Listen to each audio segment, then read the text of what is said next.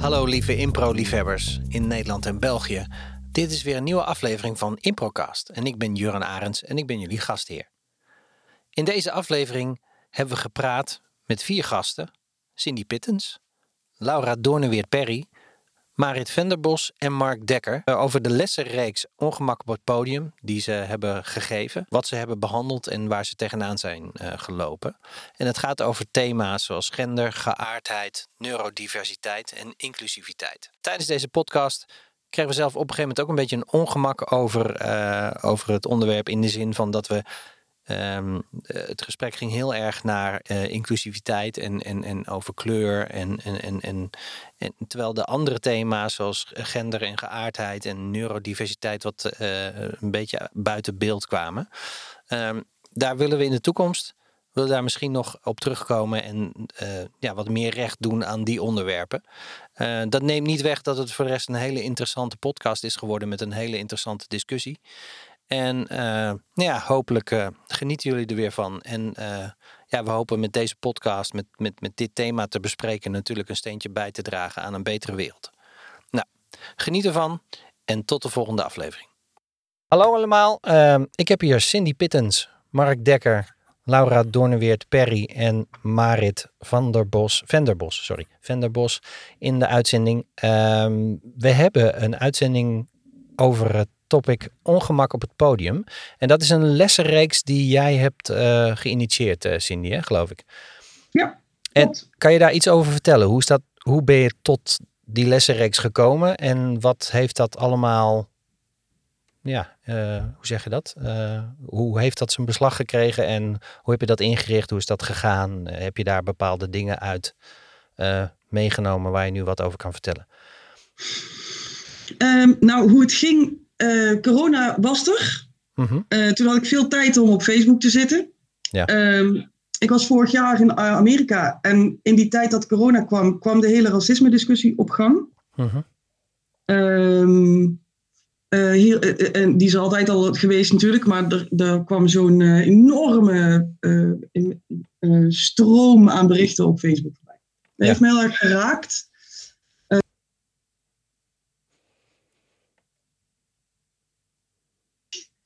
Gender topic voorbij komen. Uh, vooral bij internationale impro plekken waar internationaal impro wereld bij elkaar komt. Mhm. En um, eigenlijk nu ik daardoor, ik had ineens heel veel tijd dus, omdat alle opdrachten wegvielen met corona. En ik begon me dat uh, aan te trekken. Het drong net iets meer door, die hele thematiek drong net iets meer door dan normaal je in het, in het leven zo beweegt. En, ja. uh, en ik begon me er eigenlijk druk over te maken. En ik dacht ook de hele tijd, ja, maar hoe doen we dit dan eigenlijk? En hoe moeten we er dan eigenlijk mee omgaan? En, en dat zijn allemaal ingewikkelde thematiek waarbij je mensen kunt kwetsen. En dan staan we ook nog op een podium en we volgen onze impulsen dat is super ongemakkelijk, want je wil niemand kwetsen. Je kunt je impulsen niet meer volgen, want je kunt niet meer vertrouwen op je eigen brein bijna, op je, op je, op je ja. vanzelfsprekende gedachten. Ja. En, um, en ik wilde vooral zelf iets mee. Ik wilde vooral zelf ontdekken van nou, wat, hoe moet dit? Ja. En, um, en ineens dacht ik, ik moet een lessenreeks aanbieden. Nou, toen raakte ik in paniek. Toen heb ik Laura gebeld. Ik zeg, Laura, ik heb een goed idee, maar ik durf het niet. En ik weet niet hoe ik dit moet doen. En, La uh, die Laura door die lachen. paniek uh, Ja. heen geholpen. En, um, en toen kwam ik op een gegeven moment ook van, ja, ik moet gewoon gastdocenten in gaan zetten. Mhm. Hoef ik het niet allemaal zelf te doen. Dan kan ik al die lessen zelf volgen. En ik kan een aanbod in de markt zetten waarvan ik denk dat er meer um, behoefte aan is. Het kan niet zijn dat ik de enige ben. Ja. En er zijn gewoon mensen die ik ken die hier iets van weten en die wel iets te melden hebben. Laat ik die mensen gewoon inzetten.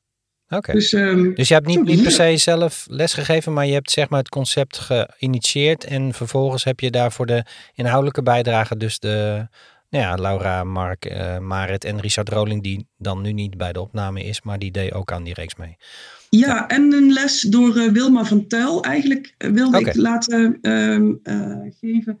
Die was uiteindelijk ziek. Toen heeft Smank, uh, Frank, Frank Smallegangen dat, die les overgenomen. En daar ging het heel erg over alleen al hoe kun je in scènes het ongemak opzoeken. Mhm. zij spelen beide bij uh, Ruwe Vitrage. En zij spelen echt veel ongemak in scènes. Op het podium en dan veel op relatie tussen de personages, denk ik. Rauwe vitrage, dankjewel Marit. um, en um, dus zij hebben de eerste, Frank heeft dan de eerste les gegeven. En dan ging het meer over het ongemak. Hoe ongemakkelijk durf je je te voelen op dat podium? En, en hoe kun je dat tussen de personages groot maken? Oké, maar gaat het dan ook van, uh, vanuit van de basis van de ongemak wat je zelf op dat moment voelt? Of is het meer over het ongemak uh, tussen in een, in een uh, situatie tussen twee karakters, zeg maar, of twee, twee personages? Ik, ik denk dat het precies over beide gaat. Ja. ja, nee, precies. Je hebt twee verschillende klanten natuurlijk. Je hebt de ongemak die je zelf ervaart doordat je op het podium staat en er gebeurt iets. Maar eh, je kan ook met het terugspelen van ongemak uh, iets, iets voorschotelen aan de kijkers. Zo van, hé, hey, uh, wat vinden we hiervan? Of wat moeten we hiermee? Of, ja. Dus er zijn natuurlijk meerdere lagen in dit aspect als je het over ongemak hebt. Ja, ik denk dat het allemaal een beetje voorbij gekomen is. Hoewel de... Mm, thematische lessen over homoseksualiteit of gender of uh, feminisme. Of, uh, uh, daar was het voor mij meer gericht op het ongemak wat je hebt als acteur mhm. in hoe ga ik om met deze thematiek. Mm, en in die eerste lessen was het, ging het meer over hoe speel ik met ongemak op het podium? Ja. ja. En, en hoe was dat als uh, gastdocent? Nou, laten we beginnen met Laura. Hoe, hoe was het om daar deel van uit te maken? En wat, welk deel heb jij verzorgd in de, in de lesreeks? Um, ik uh, was samen met uh, Marit. Dus we hebben uh, in duo's lesgegeven. Okay. En Marit en ik hebben op het onderwerp feminisme en neurodiversiteit lesgegeven. -huh. Waar we thema's aankaarten rondom ehm, gender en rondom allerlei soorten, ja, zeg maar, dus de diversiteit van echt alles wat in je hersenen gebeurt. -huh. Dus je kan denken aan aan ADHD, aan um, bipolair. We hebben echt over, over dat soort thema's uh, ja. het gehad. Dus de ene helft over feminisme en de andere helft over neurodiversiteit. Oké.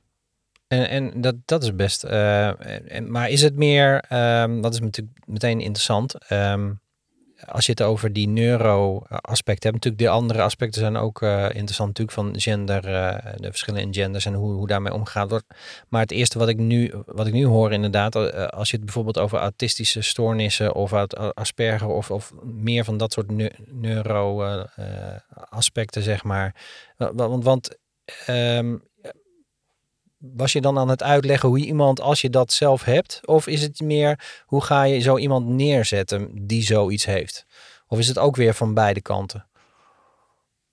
Ja, um, voornamelijk over eigenlijk wat laat je op het podium zien en hoe komt dat publiek en hoe kan je dat doen op een manier die uh, eigenlijk het hele publiek het gevoel heeft: oh, dit is prettig om naar te kijken, dit is interessant uh-huh. om naar te luisteren. En dat als je um, bijvoorbeeld zelf uh, autistisch bent en je, oh, en je denkt: ja, maar nou word ik toch een tijdje uh, zeg maar gepersifleerd.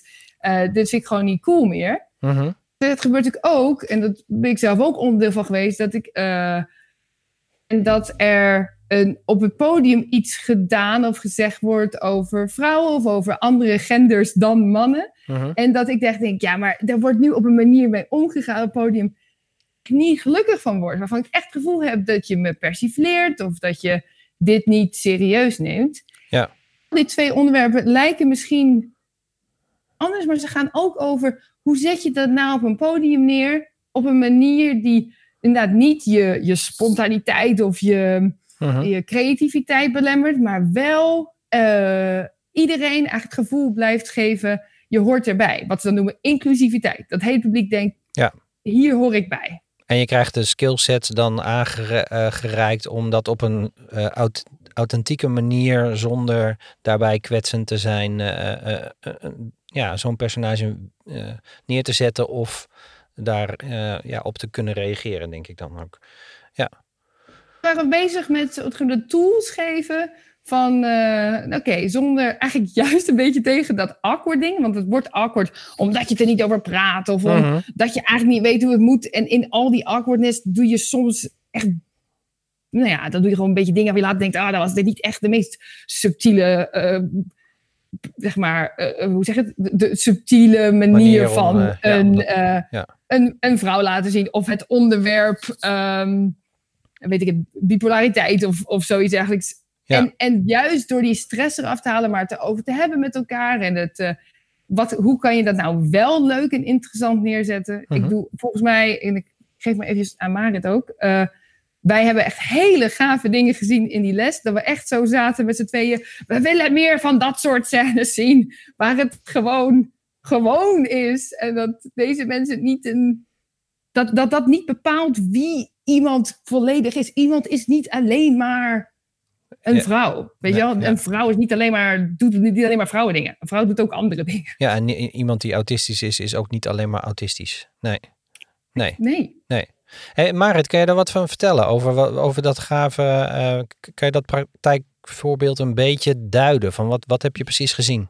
Of wat, wat, wat? Ehm, ja, dit is uh, lekker voor het blok, moet ik heel eerlijk zeggen. Want ik oh. heb er op, voor, nee, maar, op voorhand wel over nagedacht. Maar het mhm. voelt uh, enige tijd uh, geleden. Ja. Um, dus ik denk dat het voor mij uh, een aantal dingen die, waar je aan moet denken is gewoon alledaagse situaties die we allemaal tegenkomen. Of een gesprek s s'avonds laat met je partner. -huh. Waarbij je een van de twee, of misschien zelfs beide, iets anders onderliggends ook hebben. Namelijk een uh, een stoornis gediagnosticeerd of niet gediagnosticeerd. Um, waardoor we representatie creëren, vooral ook. Ja. En dat is voor mij uh, belangrijk, dat dat even in aanvulling op wat Laura allemaal heel mooi al heeft verwoord ook. Ja, dat bedoelt... het ook gaat over representatie ja. op het podium mhm. van mm -hmm. de hele samenleving. Ja, je wil gewoon een. En eh, hoe we dat kunnen doen. Ja, je wilt dat gewoon eh, kunnen presenteren op een goede manier. En ook dus dat mensen het niet uit de weg gaan, maar juist ook laten zien. Maar wel op een integere manier. Dat, tenminste, dat denk ik dat dat het doel is. Oh, uh, ja, en daarbij mag je keihard op je bek gaan. Ja, je moet. Ik denk dat dat het belangrijkste is, want we hebben niet uh, aan het einde van uh, die twee uur alle antwoorden ja, je kan, uh, waarschijnlijk, ja, je kan waarschijnlijk ook niet na die twee uur in één keer heel, of tenminste echt precies zoals een autistisch iemand echt alles doen zoals iemand dat, dat, dat weet je natuurlijk niet helemaal. Dus je, je, je probeert daar een beetje in, in te, ja, te voelen. En ik denk zeg maar. ook dat het daar niet eens per se over gaat. Nee. Dat je dat op dat moment dan kan. Mm -hmm. Wat nog veel belangrijker is, is wat weet ik er van? Weet ik er voldoende van om dit te kunnen spelen? Of als ik het speel, ja. hè, wat, is, wat is mijn insteek? Wat Laura al even benoemde over um, het, het, het integer omgaan met. Ja. En niet om de grap. Nee, nee, nee, nee dat, dat bedoel ik ook. Ik Precies. bedoel dat je het gewoon uh, naturel neerzet en dat het gewoon een volwaardig personage is die niet uh, een persiflage of een, of een, of een uh, hoe zeg je dat?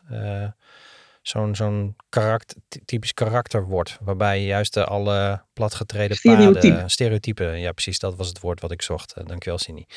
Ehm, ja, nee, dat, dat begrijp ik. Cindy, je had je hand omhoog. Jij wilde hier volgens mij ook op inhaken, denk ik. Ja, jij vroeg net om een, een letterlijk voorbeeld. Ja. Um, en uh, ik kan nu niet meer uit die reeks, weet ik het zo eerlijk gezegd ook niet meer. Dat is alweer een paar maanden geleden. Maar um, um, ik heb uh, vorige week les gegeven. Uh -huh. En ik heb dit natuurlijk, die hele reeks al mee in mijn hoofd. Van, hé, hey, hoe zit dat hè? En iemand kreeg de suggestie om, het waren twee mannen die gingen het podium op. En ze kregen de suggestie dat ze een relatie hadden met elkaar. Uh, dus het zijn partners of uh, ze hadden een first date, geloof ik. Ja? Mm -hmm. ja. Um, en um, uh, een van die spelers, die geef ik al een tijdje les. En die is nogal geneigd om dan echt een stereotype relnicht neer te zetten op dat podium. Dus ik zag hem in een houding gaan. Ik zie hem met zijn haren zwieren. En ik dacht, nou, daar gaan we weer. Hè? Hebben we weer mm -hmm. dat stereotype homoseksuele man op het podium. Ja. dacht ik hem, laten we eens geen relnicht doen. En hij ehm, verandert van postuur, zijn stem verandert. En ineens kwam daar ruimte Mhm. voor een heel nieuw verhaal. Ja. Het gaat niet om de stereotype homo en dat wat daarmee te maken heeft. Die, dat, dat verhaal kennen we allemaal wel. Ja. Maar welk verhaal heeft dit personage met deze omstandigheden nou eigenlijk te vertellen en te delen? Ehm, en of dat die dan eh, op mannen valt of niet, is helemaal niet zo relevant uiteindelijk. Creëert het dus een veel grotere wereld als we niet als eerste in die stereotype stappen. Ja. Want hij werd wel een extravagant mens met een vet flitsend eh, technisch huis waar allerlei vernuft in zat. Mhm. Ehm, eh, die ruimte die kwam daar ineens. En Ja. dat was echt, ja, dat was echt, dat, daar was ik heel dankbaar voor. Ik denk, ah, nice. Dus het werkt om uit die stereotype te eh, stappen en daar ruimte te creëren voor alles wat daar nog meer te halen is. Ja. Ja, precies. En ehm, eh, Mark, wat, wat, wat heb jij daar in, in die lessenreeks? eh, wat, wat is bij jou bijgebleven? Of hoe, hoe, hoe ben jij te werk gegaan in de lessenreeks? Kan je daar wat over vertellen? Nou, allereerst is me bijgebleven dat eh, Cindy stuurde mij een mailtje of ik hier aan mee wilde doen. En volgens mij heb ik toen in drie verschillende mails geantwoord, omdat ik in mijn enthousiasme ehm, eh, ja, mijn eerste gedachten elke keer in een mailtje zat te tikken. En toen dacht oh, mag, mag ik nog iets toevoegen? Mhm. En ehm, ja, ik wilde daar eigenlijk wel graag mee aan de slag. En de richting voor eh, het stukje van de eh, lessenreeks, van de les die ik samen met Richard heb gedaan, kwam uiteindelijk doordat we met elkaar daarover spraken. Wie pakt welk, ehm, wie pakt welk een stukje van, van het thema op? Toen eh, zijn Richard en ik eigenlijk voor het, eh, het, het thema gegaan wat we onder een soort motto hebben genoemd. ehm, spring met ons in de LBT letterstoep en leer een beetje beter zwemmen. Mhm. En dat is vooral dat we een focus konden kiezen in de workshop, die hopelijk ook op andere thema's van toepassing is. Oké. Dus ehm, in tegenstelling tot alleen maar stereotypes laten varen en altijd alleen maar het tegengeluid doen, hebben wij er ook wel voor gekozen om daar een soort mix van te maken. Mhm. Ehm, we hebben dit ook wel aangehaald in de Mannen Impro podcast. Ja. Dat er ook onderzoek is van Movisie. En dat is een, eh, onderzoekinstituut wat ook eh, ehm, naar LBT-thematiek kijkt. Mhm. En dat bijvoorbeeld voor de klasse heel erg werkt om, eh, als daar voorlichting is, om niet alleen maar het tegengestelde van het stereotype beeld van bijvoorbeeld een homoseksuele man te laten zien, ehm, maar beide. Dus zowel misschien de dingen die je verwacht als je kijkt naar clichés, Ja. en dingen die het ontkrachten. Omdat anders krijg je bij ehm, mensen die er iets van proberen te leren, Anders is het alleen maar zwart-wit. Ja, maar Ja. die was anders, want die Ja. hield niet van het Songfestival, maar die zat in het leger. Dus dat is dan, dat is dan de uitzondering. En waar dat voor ons een beetje samenkomt, en dan hebben we ook wel een linkje gelegd naar hoe we onze show met de Rainbow Warriors insteken. Dat is ook een groep waar ik eh, onder andere met Richard in zit. Mhm. En ehm, waar we eigenlijk door middel van comedy ook een bijdrage proberen te leveren aan, eh, aan diversiteit en inclusie op het podium. Ja. En die show heet eigenlijk Labels. En dat is vanuit een gedachte van label me gerust, maar stop niet met een label. En Ja. dat is denk ik ook wel aansluitend bij wat we net al hoorden. En dat heeft niet alleen, is niet alleen van toepassing op, in dit geval bij ons, allemaal homoseksuele mannen. eh, maar op heel veel mensen. Niemand is alleen homo, vrouw, autist. We hebben het net al Nee, gezegd. ja. Maar al die labels die we proberen te verzamelen samen met het publiek, die maken dat je dat persoon bent. Ja. Ehm, dus zo hebben we ook de, de workshop in proberen te steken. Dus denk na over clichés, waarin wij ons nu gefocust hebben op die verschillende letters Mhm. van die eh, afkorting. Ehm, maar dus ook eh, van toepassing op, eh, op ja, andere subgroepen, om het zo maar even te duiden. Ja, want het gaat inderdaad, eh, waar we gewoon in, in, in de hele maatschappij tegenaan lopen, is dat we gewoon, dat we leren, dat we gewoon, dat ieder, iedereen mee moet doen en, en iedereen moet ook zijn plek hebben. Maar als je het bijvoorbeeld over inclusiviteit hebt, daar hebben we de vorige keer, hebben we, volgens mij tijdens de mannen eh, podcast inderdaad, waar je net ook al aan refereerde. Volgens mij als mensen over dat onderzoek iets willen horen, kunnen ze nog even terugluisteren naar de Mannen Impro eh, podcast. Eh, maar wat ik wilde zeggen, ehm, ehm, niet alleen de LHBTQ, maar als je het ook over bijvoorbeeld donkere mensen, gekleurde mensen hebt natuurlijk, die, die, dat, die vormen natuurlijk ook een categorie waar een label op wordt geplakt. En die zien we eigenlijk nog niet heel veel terug op het podium in, uh, in uh, theatersport of improtheater. Tenminste, ja, ik ben niet een. Ik ga niet heel veel het land door, dus ik, misschien zit ik er helemaal naast. Maar ik krijg het idee dat het toch best wel een, een white, niet alleen maar male, maar ook white female wereld is. En of je dan inderdaad LHBTQ bent, maar dan heb je ook nog dat andere aspect van ja, onze gekleurde medemens, zeg maar. Nou, van wat ik van Cindy begreep, is ze daar ook zeker wel naar op zoek geweest om ook in mhm. deze lesreeks mee te nemen. Want dat werd wel aangegeven. Dat was zo'n beetje de aanleiding om hierover na te denken. Ja. Ehm, ja ik vind het altijd een beetje tricky om um, als witte man dan dat thema te pakken. Ja, nee, dus nee, het best dan kan doen is... Ja, ik wil het ook uh, niet bij jullie neerleggen, maar meer, meer zo van... Nee, nee, nee, maar ik wil me graag inderdaad uitleggen. Ja, ga, ga verder, sorry. Um, ja. Dat ik hoop dat met hoe Richard en ik ons stukje van de workshop hebben ingestoken, dat er ook weer handvatten of tools uitkomen die mensen ook op die uh, andere uh, um, groepen of um, ik weet even niet zo goed hoe te duiden hoor, maar ik denk dat iedereen die luistert wel begrijpt wat ik bedoel. Ja. Um, om daarmee ook dat te, uh, toe te passen. Mm -hmm. En antwoorden werd net al gezegd van ja, dat denk ik ook niet dat je dat in zo'n workshop of in zo'n lesreeks helemaal vindt. Maar het is wel een zoektocht met elkaar. En dat is denk ik al heel belangrijk, dat er steeds meer mensen betrokken worden. Ja. In ieder geval bewustzijn creëren om, uh, om dit op verschillende mensen en labels, dus aanhalingstekens, toe te passen. Ja, het, het, is een work in progress inderdaad. Er, wordt, er, er is meer awareness. Je probeert meer awareness te creëren. En je wil gewoon naar een, een, een groot, beter totaalplaatje waarbij iedereen zoveel mogelijk vertegenwoordigd is. Uh, inderdaad. Uh, Cindy? Ja, ik, uh, ik ben inderdaad op zoek geweest naar uh, mensen uh, met een andere huidskleur dan de mijne. Ja, Want, ja als je bijvoorbeeld in de... Naar maar de, ik heb ze ja. inderdaad niet gevonden. Er was er één, werd me op een gegeven moment geadviseerd, -huh. die speelt bij Easy Loves. Um, die, um, maar die spreekt alleen Engels. Oké. Okay. en toen dacht ik, ja, maar die lessen die wil ik eigenlijk laagdrempelig houden en voor iedereen beschikbaar. En ik wil ze dus in het Nederlands aanbieden. Dus toen is dat uh, uh, uh, vervallen. Mhm. Ik heb daarvoor wel Lin Voogd uitgenodigd in een van de lessen. Zij heeft eigenlijk in twee uur lang een soort van interactieve lezing gegeven.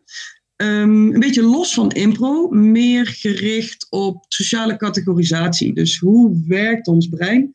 Zij, zij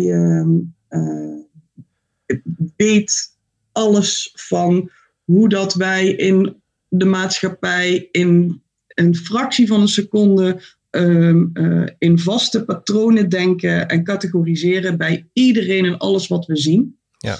Um, en hoe snel dat gaat. We hebben wat oefeningen gedaan waardoor je meteen merkt: oh ja, oh, ik doe het ook. De, ja, toch die vooroordelen die we ook een soort van ingeprent hebben. Ja, ja, ja, ja. en van jongs af aan meteen al. Ja. Op allerlei hele subtiele manieren worden mensen op bepaalde manieren weergegeven in de media of in de wereld. Of, ja. of je wordt wat dichter bij je getrokken door je ouder als je op straat loopt en je ziet uh, zwarte mensen. Of ja. Um, en, uh, van allerlei kleine signalen word je van jongs af aan ingeprent wie er te vertrouwen is en wie niet. En op ja. basis waarvan, dat heeft je brein al honderdduizend keer uh, geanalyseerd.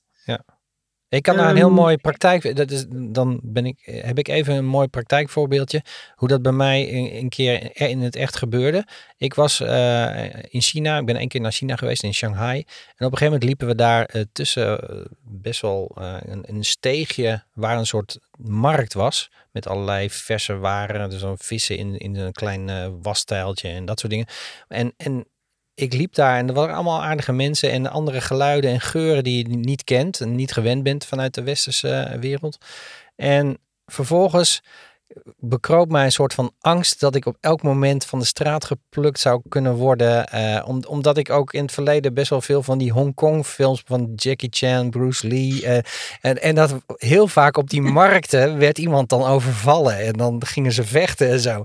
Dus dat zat gewoon dat is, was iets wat gewoon in mijn hoofd zat. Wat er letterlijk voor zorgde dat mijn adrenaline, uh, adrenalinepeil omhoog ging. En mijn hartslag gewoon hoger was. Dus ik, ik voelde mij uh, in zo'n vlucht- of vechtmodus.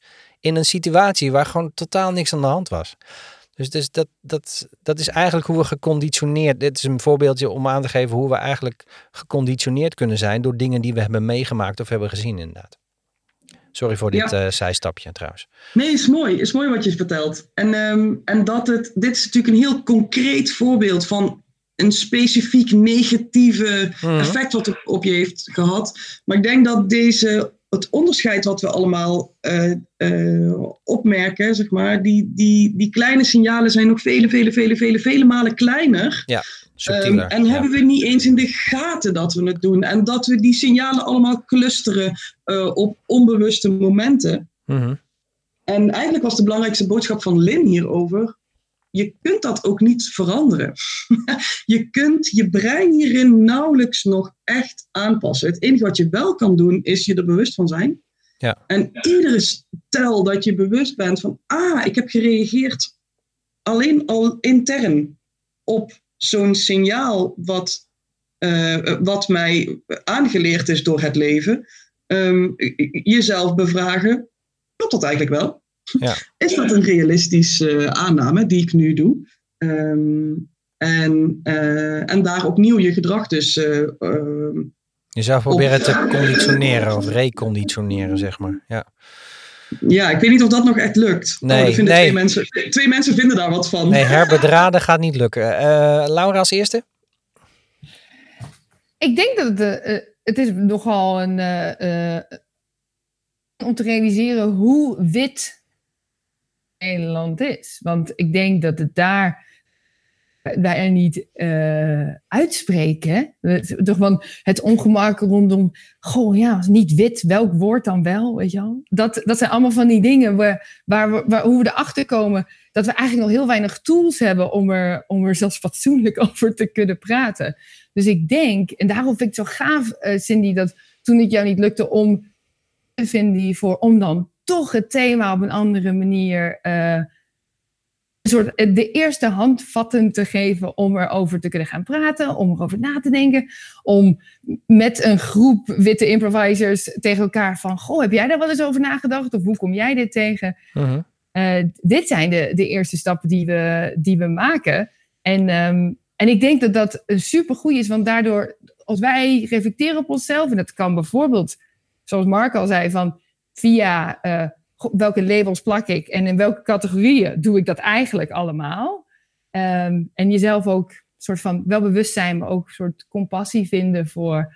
Oh, ik kan natuurlijk ook niet helpen. Hè? Dat als ik alleen maar films heb gezien waar de terroristen lange baarden hebben en, uh, en, en altijd als Arabisch worden gelabeld, dat, dat een deel van mijn hersenen dat dan toch gaat denken, dat toch gaat associëren aan hoe, die, aan hoe mensen eruit zien uh, een soort van compassie vinden en daar ook weer actief mee aan de slag. Dus uh, kan ik, kan ik uh, wat, wat andere input aan mijn hersenen geven? Ehm, kan ik bijvoorbeeld hele gaan. Wat zijn de, de tien beste films die uit het Midden-Oosten? dat je zo op de een of andere manier je eigen hersenen een beetje een klein beetje balans gaat geven aan wat de, de maatschappij je geeft. Ja. En ik denk daar worden we interessantere mensen van en daar worden we dus ook betere uh, ja, wat ik dan noem dan kunstenaars van. Dus wij, wij, ja. wij maken de kunst op een podium of we maken theater. En hoe, van hoe, als dat heel breed is waar we uit kunnen putten, alle, alle verhalen, alle uh, ervaringen, alle manieren waarop we onszelf reflecteren, dan worden we ook veel gavere spelers op het podium. Dus dat is het echt waard. Ja, nee, zeker. Ik denk dat er bijvoorbeeld in de muziek dat al veel meer gebeurt. Tenminste, de, de, de kruisbestuiving van verschillende culture, culturele uh, richtingen met, qua muziek is daar veel meer een soort van uh, ja, samensmelting in. Je, je, je komt van die hybrid vormen van, van muziek met ritmes uit Afrika. En je hebt natuurlijk allerlei blues, wat natuurlijk gebaseerd is op Afrikaanse drumritmes. En dat is vervolgens ook met westerse invloeden. Dus in de muziek gebeurt dat al wel. Misschien zijn we daar heel vaak niet bewust van, omdat dan weer bepaalde genres weer voornamelijk worden uitgevoerd door, door bepaalde ja, groepen, zeg maar. Uh, ja, maar waarom is dat bij uh, theater, ja, impro en, en theater dan nog niet het geval, zeg maar? maar waardoor komt dat eigenlijk, dat we, dat we zo'n witte theaterwereld zijn? Komt dat omdat we in Nederland zijn, wat je net aankaart, dat we eigenlijk best een wit land zijn in dat opzicht? Of, eh, en, en speelt dat in andere landen dan veel minder, omdat dat veel meer multicultureel op het podium staat? Laura? Ik, uh, dit, was een grote vraag, hè, om even in mijn eentje te beantwoorden. Ja, nee, de anderen mogen daar ook zeker op. Uh, ik, geef het, ik geef het wel even een, uh, ja. een slinger. Kijken wat. Oké, okay, ik reis veel en ik zie dat improvisatie is heel wit. Mm -hmm. En er zijn absoluut landen waar het minder wit is. En waar je veel meer verschillende soorten mensen op een podium ziet.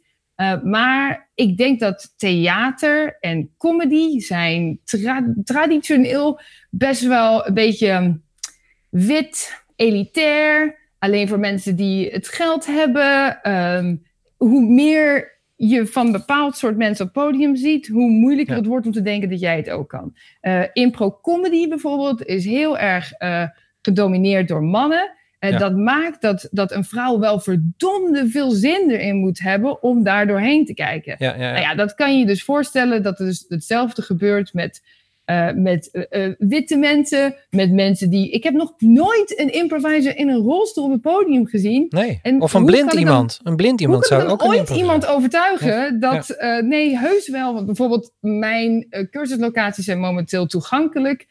En mm. ik, ik, nou ja, dat is gewoon niet voldoende. We moeten het ook nog veel meer op het podium laten zien. Willen we dat uh, langzaam. En, en er zijn natuurlijk heel veel uh, maatschappelijke invloeden. En daar, daar kan ik niet een soort van volledig in zijn. Maar dat heeft bijvoorbeeld ook te maken met.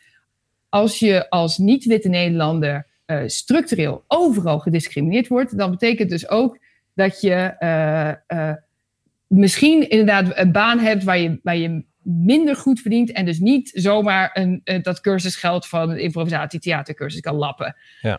Uh, je, je, ziet jezelf niet op het podium. Uh, je woont in een buurt waar die cursussen niet gegeven wordt, omdat jij ook gediscrimineerd wordt op de woningmarkt. Ja. Ik kan dat Mhm. per individueel kan je dat niet altijd zeggen waar ligt het aan, Nee. maar als we met de hele maatschappij zien dat in bepaalde gebieden er heel veel van bepaald soort mensen zijn. Dus bijvoorbeeld mannen of bijvoorbeeld witte mensen. Of bijvoorbeeld alleen maar mensen die zelf kunnen lopen. Dan, dan kan je wel gaan nadenken van welke grote maatschappelijke invloeden zitten daarachter. Dat betekent niet dat onze verantwoordelijkheid daar stopt. Nee. Um, maar dat je daar dus wel, dat het niet één oplossing is. Nee, dat zeker. Het is ook een complex vra vraagstuk wat dat betreft. Maar goed, elke, elke poging om daar een, een bres in te slaan of, een, in, om daar een, of een weg in te slaan om daar, om daar meer uh, mee te doen is natuurlijk gewoon uh, lovenswaardig. Mark, jij wilde ook uh, daarop aanhaken? Nou, dat was eigenlijk nog op het vorige puntje. Dus ik weet niet hoe het voor het gesprek dan heel goed is om daar weer op terug te gaan. Oké, okay, nee, dat, dat ja, uh, ik ben toch een beetje van... Ja, ik ben nu ja, Marit. Gewoon, ja, oké, okay, kom, ja. maar, kom maar in, Marit. Zeg het maar, Mark. Ja. Oh. Nee, ja, ik oh, door mij. Ik dacht, oh, je werd getriggerd en jij wilde graag... Ja, dat dacht ik ook even. Nee, maar dat maakt niet ik, wil, ik, heb al, ik heb alleen maar uh, uh, applaus voor wat er gezegd werd en daar niks aan toe te voegen voor nu. Oké. Okay. Uh, uh, volgens mij is Cindy met, met haar hand omhoog. Dus nu is het een battle tussen Mark en Cindy. ja, ik ga, Mark, ik ga je gewoon even redden. Komen we weer terug op jouw onderwerp en kun je het er goed in, inschuiven, dan doe je het weer. Maar dan ga ik nu nog even door op wat Laura zei. Goed? Ja, ja, goed. Ja. ja, dat dacht ik wel.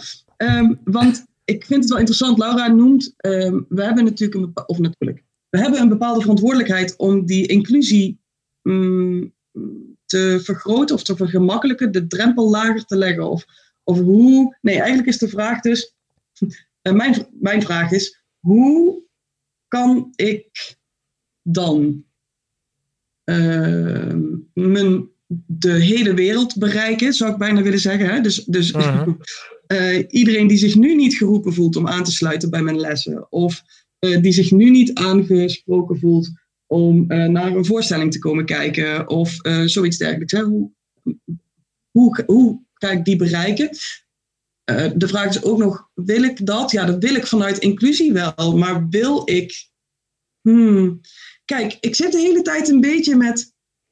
Als ik me daar specifiek op uit, hè, in mijn uitingen naar de wereld, ja. dan word ik iemand die, die gericht is op ehm, het verbeteren van de maatschappij, als ik het bijna groot wil trekken. Ja. Ehm, op, op, eh, en op Ja, ben, Eh, je- ben jij dan bang dat het het enige is waar jij dan vervolgens mee geassocieerd gaat worden? Ja, zoiets ja. Ja. Dus we hebben bijvoorbeeld, nou, naam, laat ik een naam noemen, Marijn Visser uit, eh, uit Amsterdam. Ja? Die doet superveel interculturele dingen, verhalen delen.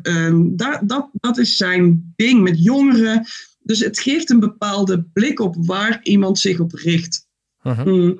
Eh, Ik wil me ergens best eigenlijk, ik wil eigenlijk heel graag dat iedereen zich welkom voelt. Ja. Maar ik wil me niet per se richten op de. Mm, Oh, ik, het voelt echt alsof ik dit allemaal niet mag zeggen, maar ik zeg het toch, want, zo, want daar, dat is dan het probleem. Ik mag eigenlijk niet zeggen dit, hè? dit is eigenlijk tegen de regels. Eigenlijk moet je dus wel je best doen om Nee, maar ik om denk, die inclusie te vergroten. Maar, maar, maar wil je dat en wat straal je dan uit en hoe doe je dat op een manier waardoor je uitstraalt dat iedereen echt welkom is? Snap je? In plaats van alleen weer richten op minderheden of, om- Mhm. of alleen richten. Nou, snap je? Ja. Dat. Ja, wa- wat je eigenlijk bedoelt, tot nu is er eigenlijk extra aandacht nodig om al die groepen erbij te krijgen. En eigenlijk zou dat in de toekomst niet nodig meer moeten zijn, want iedereen is van harte, eh, eigenlijk van nature gewoon, moet iedereen welkom zijn. En dan wordt het minder een issue, tenminste hopelijk. Tenminste, daar wil je natuurlijk naartoe. Eh, maar je wil, wil je er niet alleen maar mee bezighouden met dat je daar dan een voorvechter in wil zijn. Dat, is dat eh, juist? Right. Oké. Ja. Eh, Marit. Ja, eh, ik eh, snap je struggle. Als in, ik denk, ik heb hier ook al vaker gedachten over gehad. En gedacht, oh, ik zou gewoon echt aan de bodem moeten beginnen. En zorgen dat ik in bepaalde wijken, in bijvoorbeeld dan Utrecht, want dat is de stad waarmee ik mij verbonden voel Mhm. ehm, rondom improvisatietheater iets opzetten. Omdat, en dit heeft te maken met, en dat voelt zo immens groot dan allemaal, dat het eh, gevoel is van, ja, het, het, het zit veel dieper, het moet van verder komen. En eh, alleen zeggen, je bent inclusief, eh, wordt hem sowieso niet. Er is, wat Laura net al aangaf, van hem, als je door waar je geboren bent, in een stad zelfs, eh, al een achterstand hebt, omdat je naar een bepaalde school gaat, waar bepaalde dingen niet aan worden geboden. Die, Mhm. hè, eh, ik, vond het, ik, vind het, ik wil daarbij even aanhalen, gisteren bijvoorbeeld hoorde ik nog weer over in Groningen, eh, waar ze op dit moment een groot probleem hebben met eigenlijk de bijna gesegregeerde scholen. En dat er dan wordt gesproken over hoe kunnen we nou zorgen dat mensen hun kinderen weer naar verschillende scholen sturen. Nou ja, wat ik maar wil zeggen is, daar gaan wij met een eh, luxe dingetje bijna, zou ik soms voor sommige mensen, hè, als ze het als hobby uitvoeren, als Ja, niet- improvisatietheater, niet in één keer Grote verandering. aan eh, kunnen pakken. Ja, ja. ik wilde een klein voorbeeld geven waarin ik mij gesterkt voelde zelf van, oh ja, dit is iets wat ik wel kan doen Mhm. en wat dicht bij mij ligt. Ik was in gesprek ehm, met een Zweedse improviser. Zij eh, komt, eh, eh, eh, haar vader komt uit Egypte. Dus zij heeft zelf een gemengde achtergrond. En we hadden het op dat moment ook over nou ja, hè, d- de witheid van improvisatietheater, noem ik het maar even. Ja. En iemand zei ineens: Oh ja, maar stel nou, ik speel een liefdesscène samen met Marit. En aan het einde is het enige wat ik nog even zeg: eh, Ik hou van jou, eh, Fatima. En zij werd daar al zo, en dit is één persoon, hè, maar zij werd daar zo door geraakt, omdat zij alleen al die naam horen in improvisatietheater op het podium. Mhm. Dat is zo. Je, je, ik zou, je zou moeten voelen hoe groot dat nu voor mij is. En dit is, een, dit is één persoon en voor haar geldt dat. Ik kan daar niet mee zeggen dat geldt dan voor iedereen. Ik voelde alleen wel even van heel dichtbij. Oh ja, ik mag mezelf ook de baby steps gunnen. Ja. En eh, wie weet komt er een keer iets op het pad om dingen groter te maken. Mark. Mark. Mark. Ja, ik heb hier wel een vraag over. Want ik zou juist nu bijna denken, in deze tijd, dat ik haar niet Fatima zou mogen noemen op het podium. Ja, dat, ja. En als we het over playfulness awkwardness hebben versus awkward playfulness, zoals de lesreeks mm -hmm. niet heten, ben ik hier heel benieuwd naar. Want ik vind het uh, interessant om te weten waarom dat dus voor haar, ja, ik snap wel waarom dat voor haar zo wil betekenen. Maar ik zou het dus niet zo snel meer durven. Net als dat ik wel meer niet durf te zeggen in deze tijd. Ja, en, ja. Daar, en daar heb ik in de, volgens mij hebben we daar in de mannenpodcast ook even over gehad. Over dat je bijna een soort van, volgens mij kwam het bij mij vandaan hoor. Uh, dus uh, sabel het ook maar neer als, het, als jullie niks vinden. Maar je zou bijna een soort van bijsluiter soms willen hanteren van let op. Uh, of niet? Nee, ik ben helemaal niet fan van die bijsluiten. Maar voordat we dat dan doen, ben ik eigenlijk wel benieuwd om even met Marit dan dit te bespreken van hoe, of, hoe zij ja. denkt dat zich dan verhoudt. Ja.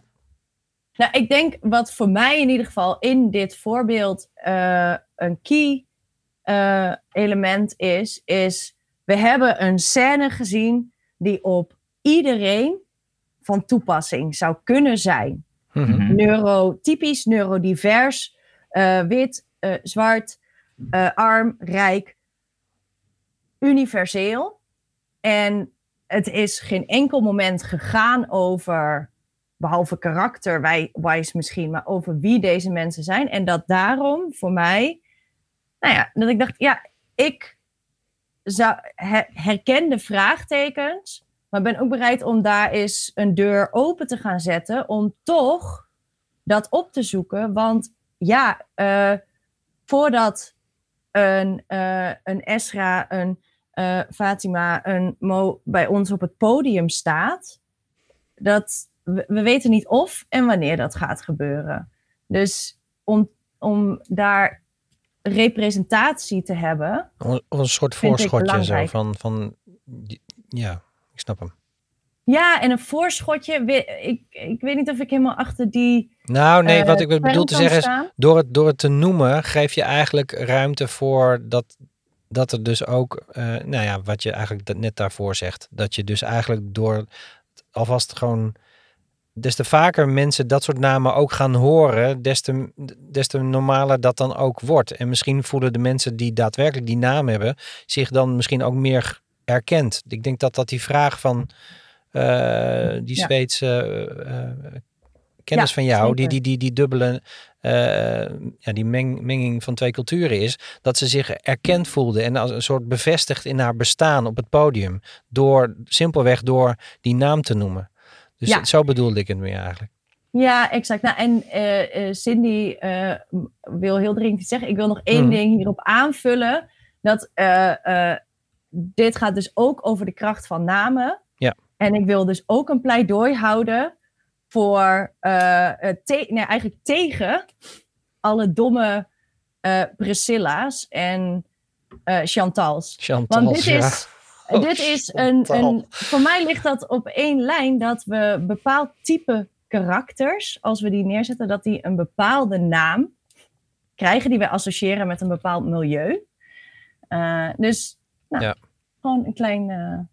Ja, omdat je, omdat je daar weer meteen in die stereotype val, uh, ja. valt. Ja, precies. Ja. Ik, ik, wil er toch nog even op inhaken. Want volgens mij zit het een verschil, of dat verschil niet, maar waar, waar ik een beetje aan raak, is zit er dan een verschil in dat Marit deze half Egyptische impro-speler Fatima noemt, of als ik een scène met hele blonde Laura speel en ik noem haar Fatima? Ja. Uh, nee, zij zag dit ook uh, en wij bespraken het ook vanuit het voorbeeld dat ik samen met een andere witte mannelijke improviser een liefdescène zou spelen. Oh, en sorry. hij noemt ik mij aan het eind. Speelden. Ja, nee. En hij noemt mij okay. aan het eind. Of zo, uh, Fatima is hoe de naam vaak eigenlijk wordt uitgesproken. Helder. Dan heb ik het niet helemaal goed begrepen, maar toch denk, denk ik goed dat we dit stukje gesprek wel gevoerd hebben. Zeker. Juist. Cindy. Ja, um, ik heb um, een paar weken geleden een voorstelling gespeeld op een uh, foto-expositie over intimiteit en seksualiteit uh, bij transgender mensen. Um, en wat daar gebeurde was uh, iets interessants, namelijk kun je op het, mag je op het podium een minderheid spelen die je niet bent. um, daar werd op een gegeven moment een scène, was een voorbereide scène. die werd gespeeld door cisgender mensen, ofwel mensen die biologisch hun lijf is een, is, een, is een vrouw, voelt zich vrouw, identificeert zich met vrouw en speelt dan een trans mens in de scène. Daar was heel veel kritiek op. Ongeacht of die scène nou. Mm, die was niet stereotypisch, die was niet kwetsend bedoeld of, of, uh, of, of, iets dergelijks. Maar het feit dat er. Um, dat we, en daar heb ik het over mezelf weer, als cisgender ons geroepen voelen om een bepaalde doelgroep te redden um, en, en te helpen een podium te geven, terwijl ze er beter zelf kunnen staan. en dat podium dus hebben. Maar bij gebrek, um, bij gebrek aan die vertegenwoordiging van dat soort mensen, is het dan. Ja, moet je het dan maar. maar nou, ja. nou ja, de vraag is ja. of je dat gat kunt, überhaupt kunt vullen met jezelf. Ja. Dat kan dus niet. Je, dat, dat is niet op, dat is geen vervanger. Je, um, nee, het is geen vervanger, maar, en, maar tegelijkertijd is jullie lessenreeks toch wel ook uh, geweest om, om je gereedschap te geven om je in een bepaalde uh, categorie te kunnen invoelen, toch? Of, want eigenlijk weer spreek je dan een beetje jezelf ook. Oh, nou, ik heb er niet zoveel over gezegd, hè? Voor nee, nee, nee, nee, nee, maar, nee, maar, nee, maar ik bedoel, nee, nee, maar ik bedoel, wat je nu zegt eigenlijk, ik snap dat die, die dilemma is er ook inderdaad, van moet je dat wel, heel veel mensen zeggen nee, dat moet je niet doen, of juist wel, maar tegelijkertijd wil je ze een podium geven, maar, uh, maar eigenlijk pleit jij nu voor de andere kant, terwijl je aan met die lessenreeks juist de mensen wel uh, goede tools wil geven. Om, of interpreteer ik dat verkeerd? Ik wil jou niet... Uh, ja, ja? Nou, ja, ik wil graag eerst even antwoord geven. Oh, ja. Oh. Want ik heb die lessenreeks niet neergezet om antwoorden te geven op mm -hmm. dit vraagstuk. Om, om mensen iets specifieks te leren over hoe het dan moet. Hoewel ik heel vaak zelf de vraag heb gesteld: mag ik dit nog wel zeggen? Mag ik dat nog wel ja. doen? Mag ik dit nog wel spelen? Uh -huh. um, maar eigenlijk was mijn intentie van die lessenreeks niet om daar antwoord op te krijgen, maar om het gesprek te voeren. Ja, um, en dat is ook wat ja. ik nu met mijn uh, opmerking natuurlijk uh, bedoel. En van hé, hey, dit is de andere kant weer van een ja. vergelijkbaar voorbeeld. Hier, zo kan er ook op gereageerd worden. Dit is ook -huh. een, een manier om dit uit te leggen weer. Ja, check. Nou, Laura. Ja, want eigenlijk wat ik wilde zeggen, en dat, dat supergoed Cindy, want het is inderdaad, het is allebei, kan het bestaan. Hè? Het, is niet, het gaat nou niet tegen elkaar. Dus uh, uh, terwijl dat wel zo kan lijken, van dit mag niet versus, ja maar hoe dan? En ik denk juist, ik, ik kan, dit is mijn persoonlijke mening, ik ga niet spreken voor de rest van de wereld, maar Cindy, dat jij als cisgender vrouw daar podium op bent gegaan en je fucking best hebt gedaan om iets te laten zien op een respectvolle manier en je daarin verdiept hebt en dergelijke. En dat er dan mensen naar je toe komen en zeggen: Ik vind dat niet prettig dat jij als cisgender persoon dat laat zien. Dat is super interessante informatie. En dat betekent niet dat je het nooit had moeten doen. Want ineens ben je in gesprek met elkaar erover. Ik denk, en dit is even mijn aanname op basis van gesprekken die ik met andere mensen erover eens heb gevoerd, dat uh, waarom er wel vaak protest of kritiek kan zijn als mensen iets laten zien op een podium wat ze zelf niet zijn, is een beetje van ja, kijk, als je een volledig, um, als je dat laat zien en, en daardoor uh, geef je geen kans om degene die het werkelijk heeft doorleefd en doormaakt, om op het podium uh, te krijgen. Als je niet die aandacht die je nu steekt in uh, trans mensen zo goed mogelijk begrijpen en op podium neerzetten. Uh, als je diezelfde aandacht had gestoken in het toegankelijker maken voor trans mensen om in je les te komen. Dat, dat, dat kan wel eens de kritiek zijn van heb je daardoor eigenlijk proberen iets op te lossen wat eigenlijk op een heel andere manier beter opgelost kan worden. Ik, ik persoonlijk, maar goed, dat, nogmaals van ons als docenten, we hebben geprobeerd om inderdaad tools te geven van als je ervoor kiest om, zo, om iets op podium te laten zien wat je niet bent, hoe kan je dat zo Integer interessant mogelijk, mogelijk ja. leuk mogelijk, mooi mogelijk op een manier dat, in ieder, dat het publiek denkt, oh, ik voel me gezien. En misschien is er dan nog steeds iemand die zegt, uh, vond ik niet kunnen. het voorbeeld wat Marit noemde over een, een witte speelster, Fatima noemen. Ik vond het ook een super gaaf voorbeeld. En ik kan me ook heel goed voorstellen dat als het een keer op podium gebeurt en er komt iemand naar me toe en zegt: die vind, Ik vind niet oké, dat ik dat ook heel goed snap. Maar dat we daardoor wel met elkaar weer in gesprek komen. Dat ik dan zeg: Ah, weet je, ik dacht dat dit een goede manier was, want ik had met iemand erover gehad. En ik, hoe dan wel? Vertel mij meer. Dit is een, een ongoing uh, proces. En we moeten daar niet voor wegschrikken. Want op het moment dat we gaan praten over dan mag niks meer, mag ik niet eens meer dat, het komt met een handleiding. Nou, dan gaan we in een richting waardoor we alle deuren dichtgooien. Terwijl als we zeggen, oh interessant, ik kreeg uh, kritiek, uh, feedback, uh, nieuwe ideeën, dan zetten we meer deuren open. Ja, mee eens. Cindy? Ja, ja, even terugkomen op die voorstelling. Uh, die scène waar ik het over had, die werd niet door ons gespeeld, maar door uh, uh, een andere groep. wij hebben daar terugspeeltheater gespeeld. En precies, ik vind het nou heel leuk om even te zeggen, want ik ben best trots op. het is wel leuk, want ik besef me nu wat we gedaan hebben eigenlijk. Ehm, met terugspeeltheater laat je het publiek verhalen vertellen, anekdotes, en die speel je terug als terugspeeltheatergroep op het podium. En zo'n persoon haal je even op het podium en op het podium laat je iemand het verhaal vertellen. En dat geef je in zo. Um, uh, hoe moet ik dat zeggen? Um, oprechte en, en uh, zuivere manier dat verhaal terug in spel. Um, en eigenlijk wat we precies gedaan hebben, is podium gegeven aan het ver, podium gegeven aan het verhaal van de mensen in de zaal, wat over het algemeen transgender personen waren. Um, dus dat, ja, dat is echt uh, super cool.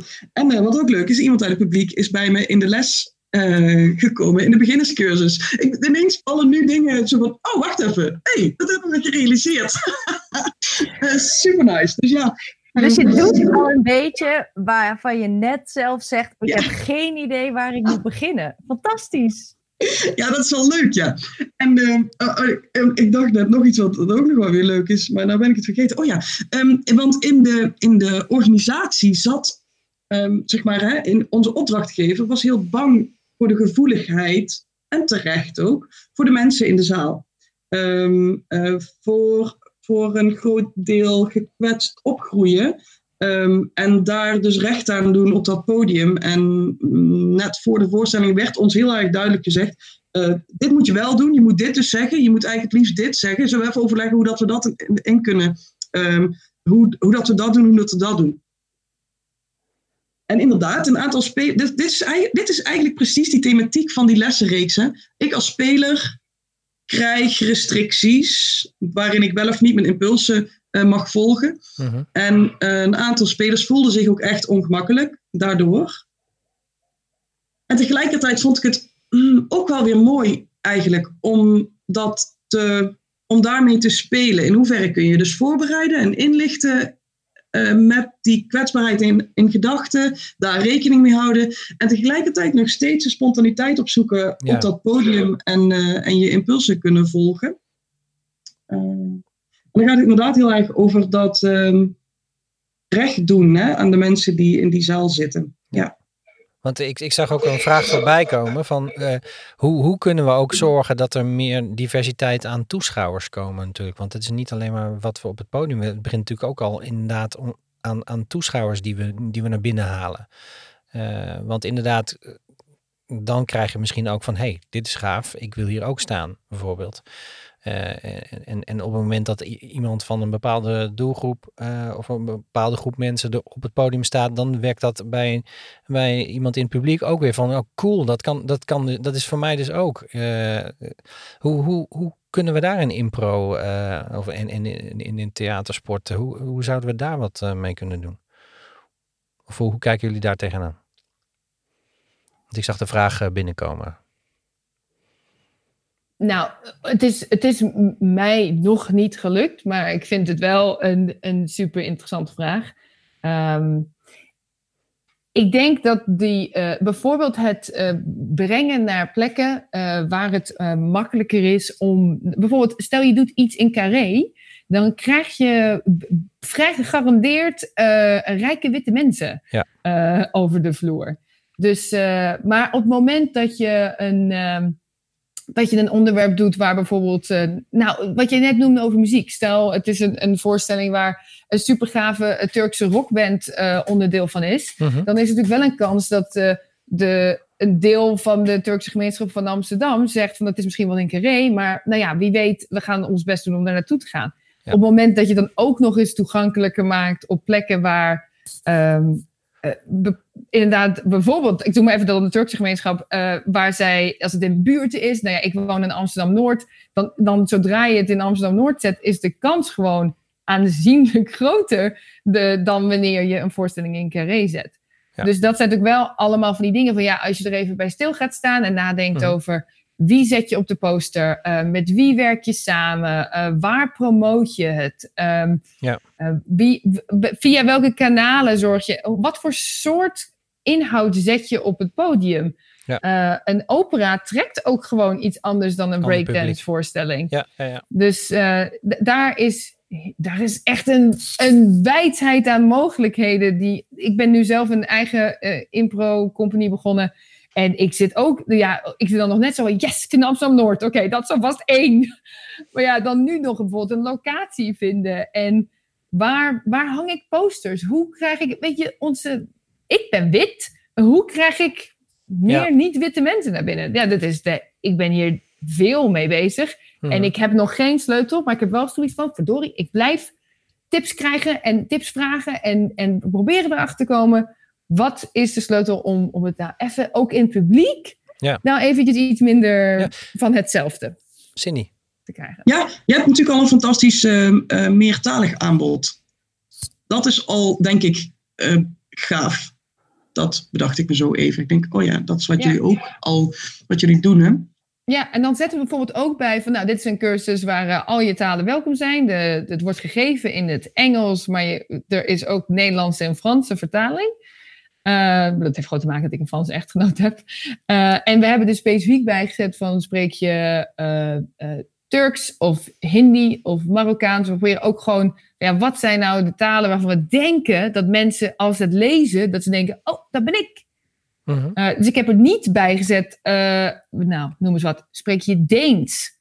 Uh, terwijl die er misschien ook wel zijn, maar ik probeer wel op de een of andere manier het in te steken op een manier van, oké, welke, welke groepen zou ik heel graag nou in de les willen hebben of in de voorstelling willen hebben? Geen Denen. nee, verdorie, nou heb ik alle Denen afgeschrikt. Oh. We krijgen allemaal mailtjes en reacties straks van uh, woedende Denen. ja, maar ik denk, heer, weet je waarom ik Denen zeg? Omdat ik denk dat ik van alle mensen hoe ik eruit kan zien, ik zie eruit als een Nederlander, maar ik zou ook best Deens kunnen zijn. Ja. Dus dat, die krijgen de Denen. Mark uh, hoort uh, het woord Denen en hij komt erin. Ja, ja ik ga helemaal aan op uh, Denen. Ja. nee, ik heb eigenlijk wel een, een, een, ja, meer iets wat ik me afvraag. En het is niet zo politiek correct wat ik ga zeggen. Maar volgens mij is dat ook een reden waarom we in deze podcast zitten. Mm -hmm. Ik zag laatst een affiche van een internationaal improfestival. En dat was een affiche waar alle workshopdocenten op stonden. En um, nou, dat, dat was een beetje een, een, een United Colors of Benetton reclame, zeg maar. Okay. En er stond wel geteld één wit persoon op. Nou denk ik dat ik snap waarom dat is. En dat ze op die manier representativiteit willen um, tonen, zodat mensen zich dus aangesproken voelen en die weg vinden naar die community. Maar mijn vraag was wel, is dat waar we naartoe willen? In die zin neigt dit niet naar positieve discriminatie. Wat misschien prima uh, uh, um, te verdedigen is. Maar ik vroeg me wel af, oh, zijn dat dan ook echt de beste docenten die ik kan hebben in dat festival? Of maken we op basis van andere keuzes deze keuze? Mhm. Dus ik vraag me dat gewoon af. Ik heb er geen antwoord op. Ik heb er ook niet een oordeel over. Maar ik vraag het me letterlijk af. En ik, op een of andere reden denk ik dat deze podcast misschien wel aardig is om het te vragen. Ondanks dat ik het ook spannend vind om te vragen. Want het staat straks online voor iedereen om te horen dat ik dit afvraag. Nee, maar eh, je iets afvragen is per definitie niet fout. Uh, volgens mij moet je gewoon een vraag kunnen stellen. En uh, ja, Cindy zat al meteen met de hand omhoog, dus die willen waarschijnlijk op inhaken. Ja. Geef me het antwoord, Cindy. Geef me het antwoord. Oh, ik heb het antwoord ook niet. Maar ik vind het wel een goede vraag ook. Uh, ik vind het, en ik vind het ook een vraag die, die ik terughoor. Ook in mijn omgeving. Uh, uh, hoe zit dat dan? Moeten we dan nu alle zwarte mensen voorrang geven. eh, of hoe, weet je wel, heel kort uh, georganiseerd. En het is volgens mij precies wat jij zegt. Ehm, je maakt misschien keuzes op andere uh, gronden. Gaat het erom dat in dit festival de beste docenten staan? Gaat het in dit festival erom dat er een divers aanbod is waar veel verschillende dingen aangeboden worden? Uh, nog los van, dan heb je misschien zelfs de beste op dat gebied te pakken. um, nou, en dan nog, het is interessant, want dan betrap ik mezelf meteen op racisme. Namelijk dat als we dus donkere mensen hebben of andere huidskleur mensen, dat die dan dus ook iets anders aan zouden bieden dan witte mensen. Dus ik ben net hard, uh, hier ga ik onderuit. Dat is ook wel weer interessant. Nou, dat is wat ik, wat ik zo allemaal dacht. Ik denk dat er iets heel moois te halen is in diversiteit. Ik denk dat daar wel dat je dat soms voorrang mag geven. Soms, dat mag je voorrang geven, denk ik. Ja, zolang... ja, en... oh. ja Marit. Ja, ja uh, nou, ik, ik zou er ook nog wel op aan willen vullen dat het ook een stukje... Uh, uh, ik ging een beetje aan op de vraag, denken we dan dat dat de beste uh, docenten zijn? en dat ik dacht, ah, maar hoe word je überhaupt de beste docent?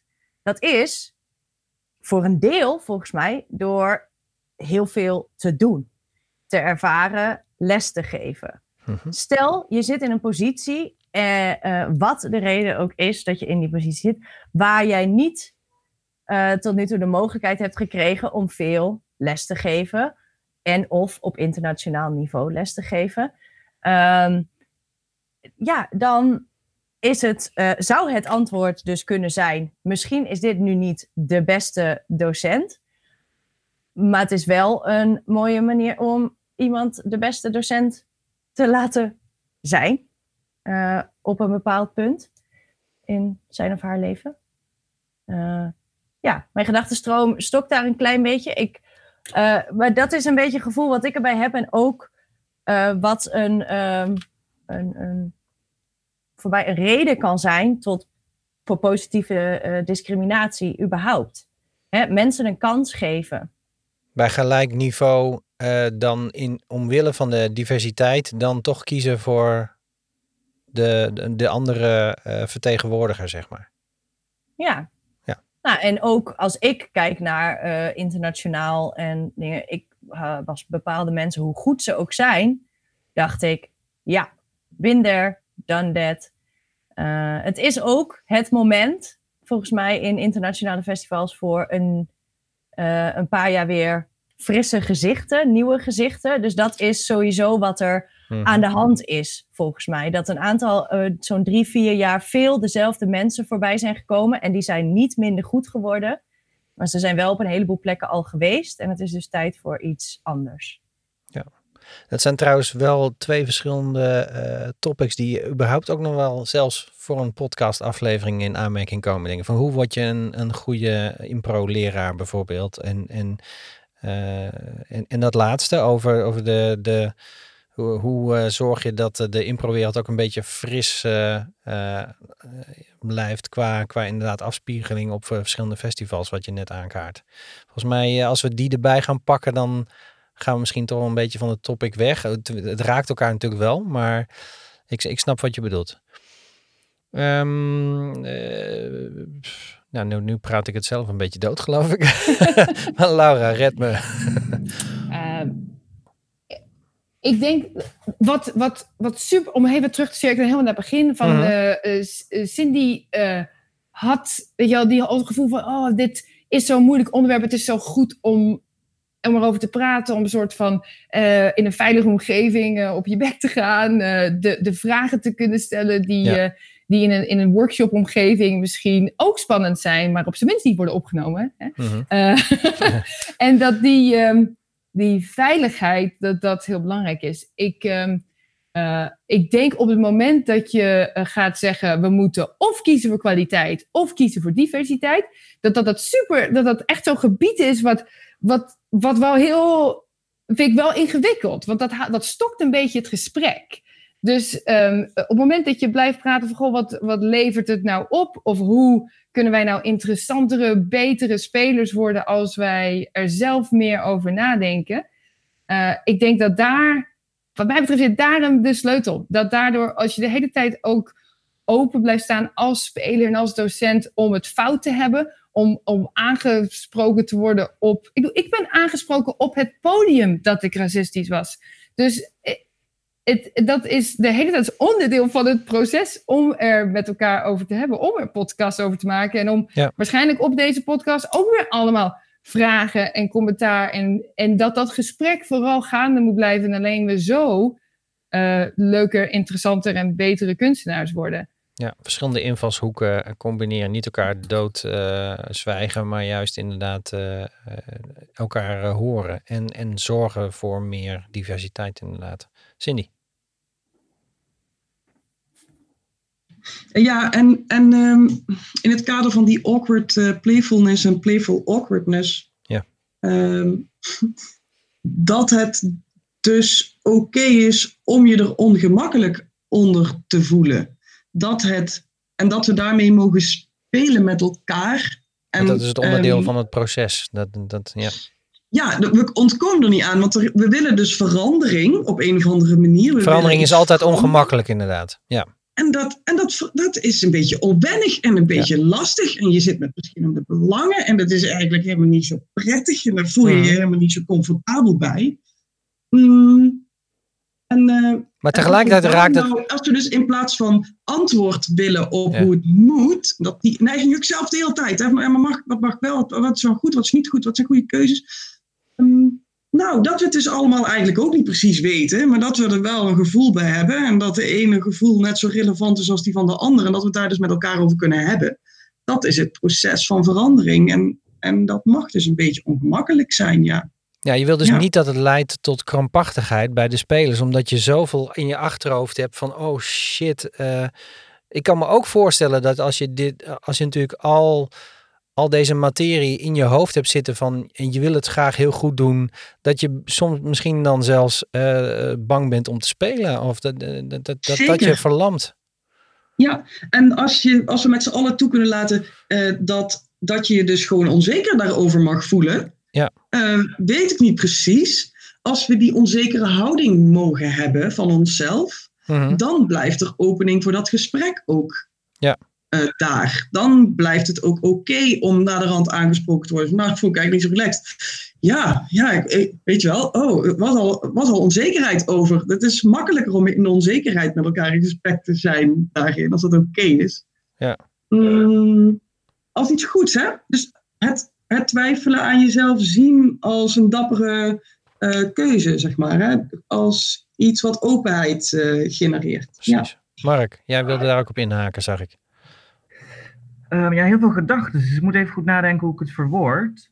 Ehm, kijk, op een gegeven moment ging ons gesprek gaat best wel heel erg over diversiteit in de impro-wereld. En gaat misschien een beetje ook daardoor af van het eh, ongemak. Want dat ongemak wat we, ehm, die awkwardness die we kunnen ervaren, dat zit, zoals eerder genoemd, het zit in kunstenaars, het zit in docentschap, maar natuurlijk ook eh, bij het publiek. eh, of Ja. bij karakters. Dus daar- daar- die gelaagdheid is heel erg. En de kans dat je dat niet helemaal goed doet voor iemand in de zaal dan wel op het podium, is gewoon best groot. Ja. En ik moest denken aan, ehm, ja, was het een meme? Katinka Polderman had een soort eh, twee diagrammetjes naast elkaar gezet, die dan zouden moeten overlappen, maar ze deden het niet. En in één cirkeltje stond woke, in het andere cirkeltje stond humor.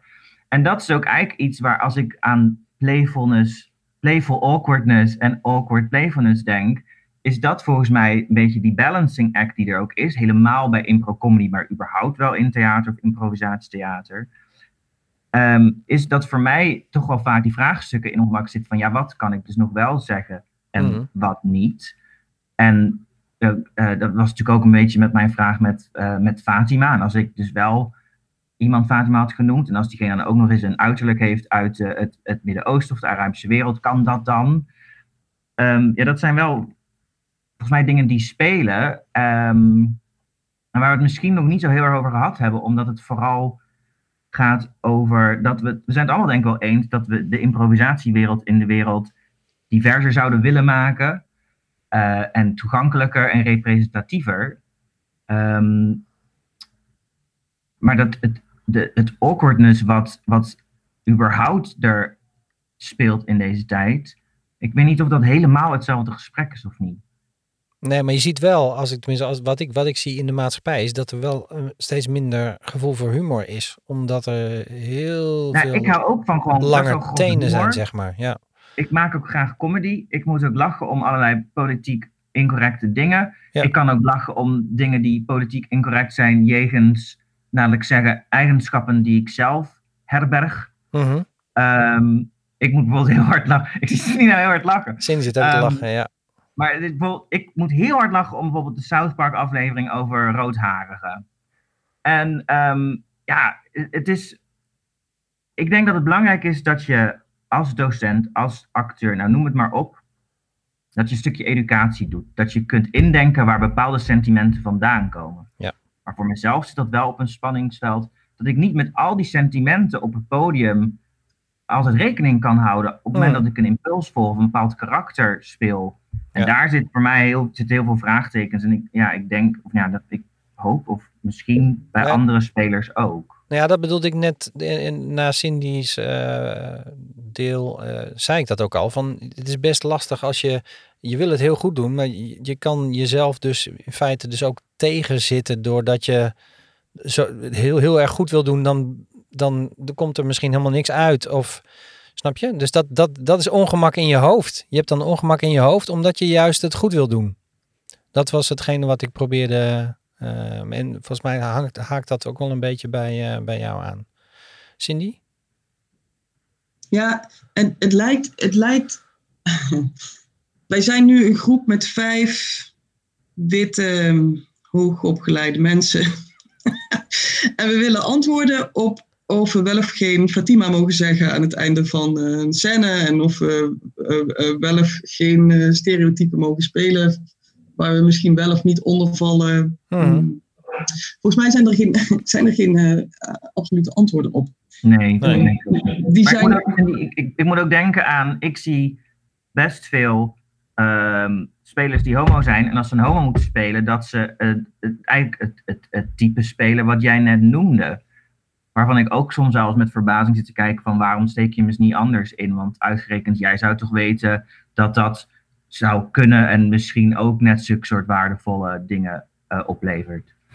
Ja. Maar ik, ik blijf het gewoon heel lastig vinden om, om zulke soort stellingen erin te gooien of zulke soort standpunten in te nemen. Ehm, omdat ik zelfs binnen deze groep niet het idee heb dat ehm, dat, dat, dat, dat, eh, dat op een lijn zit of dat dat mag, ja. Dat ik niet kaart nu afgerekend word en ergens nooit meer les mag geven. Ja, ja, ja, ja, Volgens mij, volgens, ik, Ja. ik vind er wel iets van. Volgens mij mag alles. Ik denk echt dat alles mag. Ehm, en eh, het kan wel zijn dat je eh, van iemand hoort dat hij het niet leuk vond. Of misschien hoor je van een hele groep dat die, dat die het niet leuk vonden. Dat risico loop je ehm, in het leven sowieso. Hè? Als je jezelf volgt en je doet wat je zelf eh, eh, tof of interessant of grappig of relevant vindt, dat er een groep mensen is die zegt, nou, dat vind ik niet zo fijn. Ehm, op het moment dat je dan daar niks van af wilt weten, en dat is denk ik wat er, omdat we dat ongemak, dus we, willen ons niet ongemakkelijk maken, dus we, we gaan het een beetje negeren, ja. Ehm, ik pleit ervoor dat je wel gaat onderzoeken en in, ieder geval een beetje weet van, hé, wat speelt er in de wereld? Wat voor mensen zijn er allemaal en hoe werkt het allemaal een beetje? En dan kun je nog steeds keuzes maken.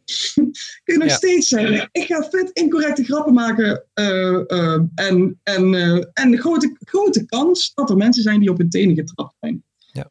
Ehm, jouw doel met, om dat te doen, is jouw doel, en dat zou je later uit kunnen leggen of niet, of nou, weet ik veel. Je kunt achteraf nog weer beslissen, hmm, had, ik had ik misschien toch anders willen doen? ja, ongemak moet je niet, kan je niet voorkomen. Wat zeg je? Eh, ongemak kan je niet voorkomen. Dat, dat zal er altijd zijn, zeg maar. Het gaat er mee, mee, om, mee om. Het gaat er meer om van wat je ermee doet en hoe je reageert op als mensen je erop aanspreken. En, en, en, en, en dat je die dialoog weer houdt, zeg maar. Ja, ik denk dat je inderdaad in die. Nou, nee, zelfs dat is niet eens per se waar. Volgens mij moet je lekker doen wat je zelf wilt. Dat denk ik echt. En als jij. Uh, je publiek blijft dan of blijft niet, of een gedeelte, of er komt ander publiek wat bij jou past. Iedereen is hier anders in, volgens mij. Um, je maakt zelf met de kennis die je hebt en dat wat voor jou belangrijk is als mens, overwegingen. Um, wil ik prikkelen? Wil ik of wil ik. Ja, wat is je insteek?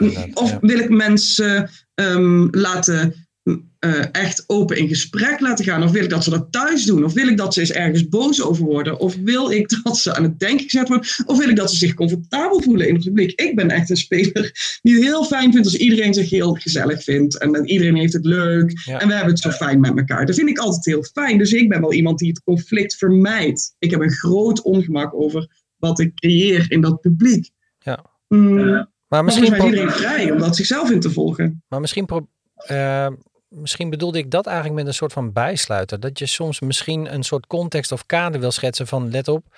Uh, dit willen we spelen, we spelen bewust iets, want het kan, het kan uh, ook voor een discussie zijn. Of dat je er juist iets mee wil bereiken door, door dat stereotype gewoon nog een keer neer te zetten.